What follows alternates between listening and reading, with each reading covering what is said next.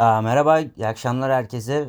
Bugün piyasa pazartesi günkü sarsıntı sonrası gelen tepki alımlarıyla açıldı.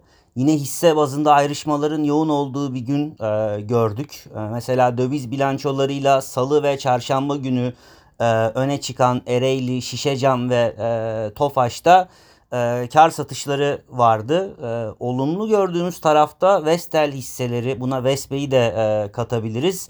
E, grup şirketi iki gündür devam eden güçlü e, performanslarını e, devam ettirdi.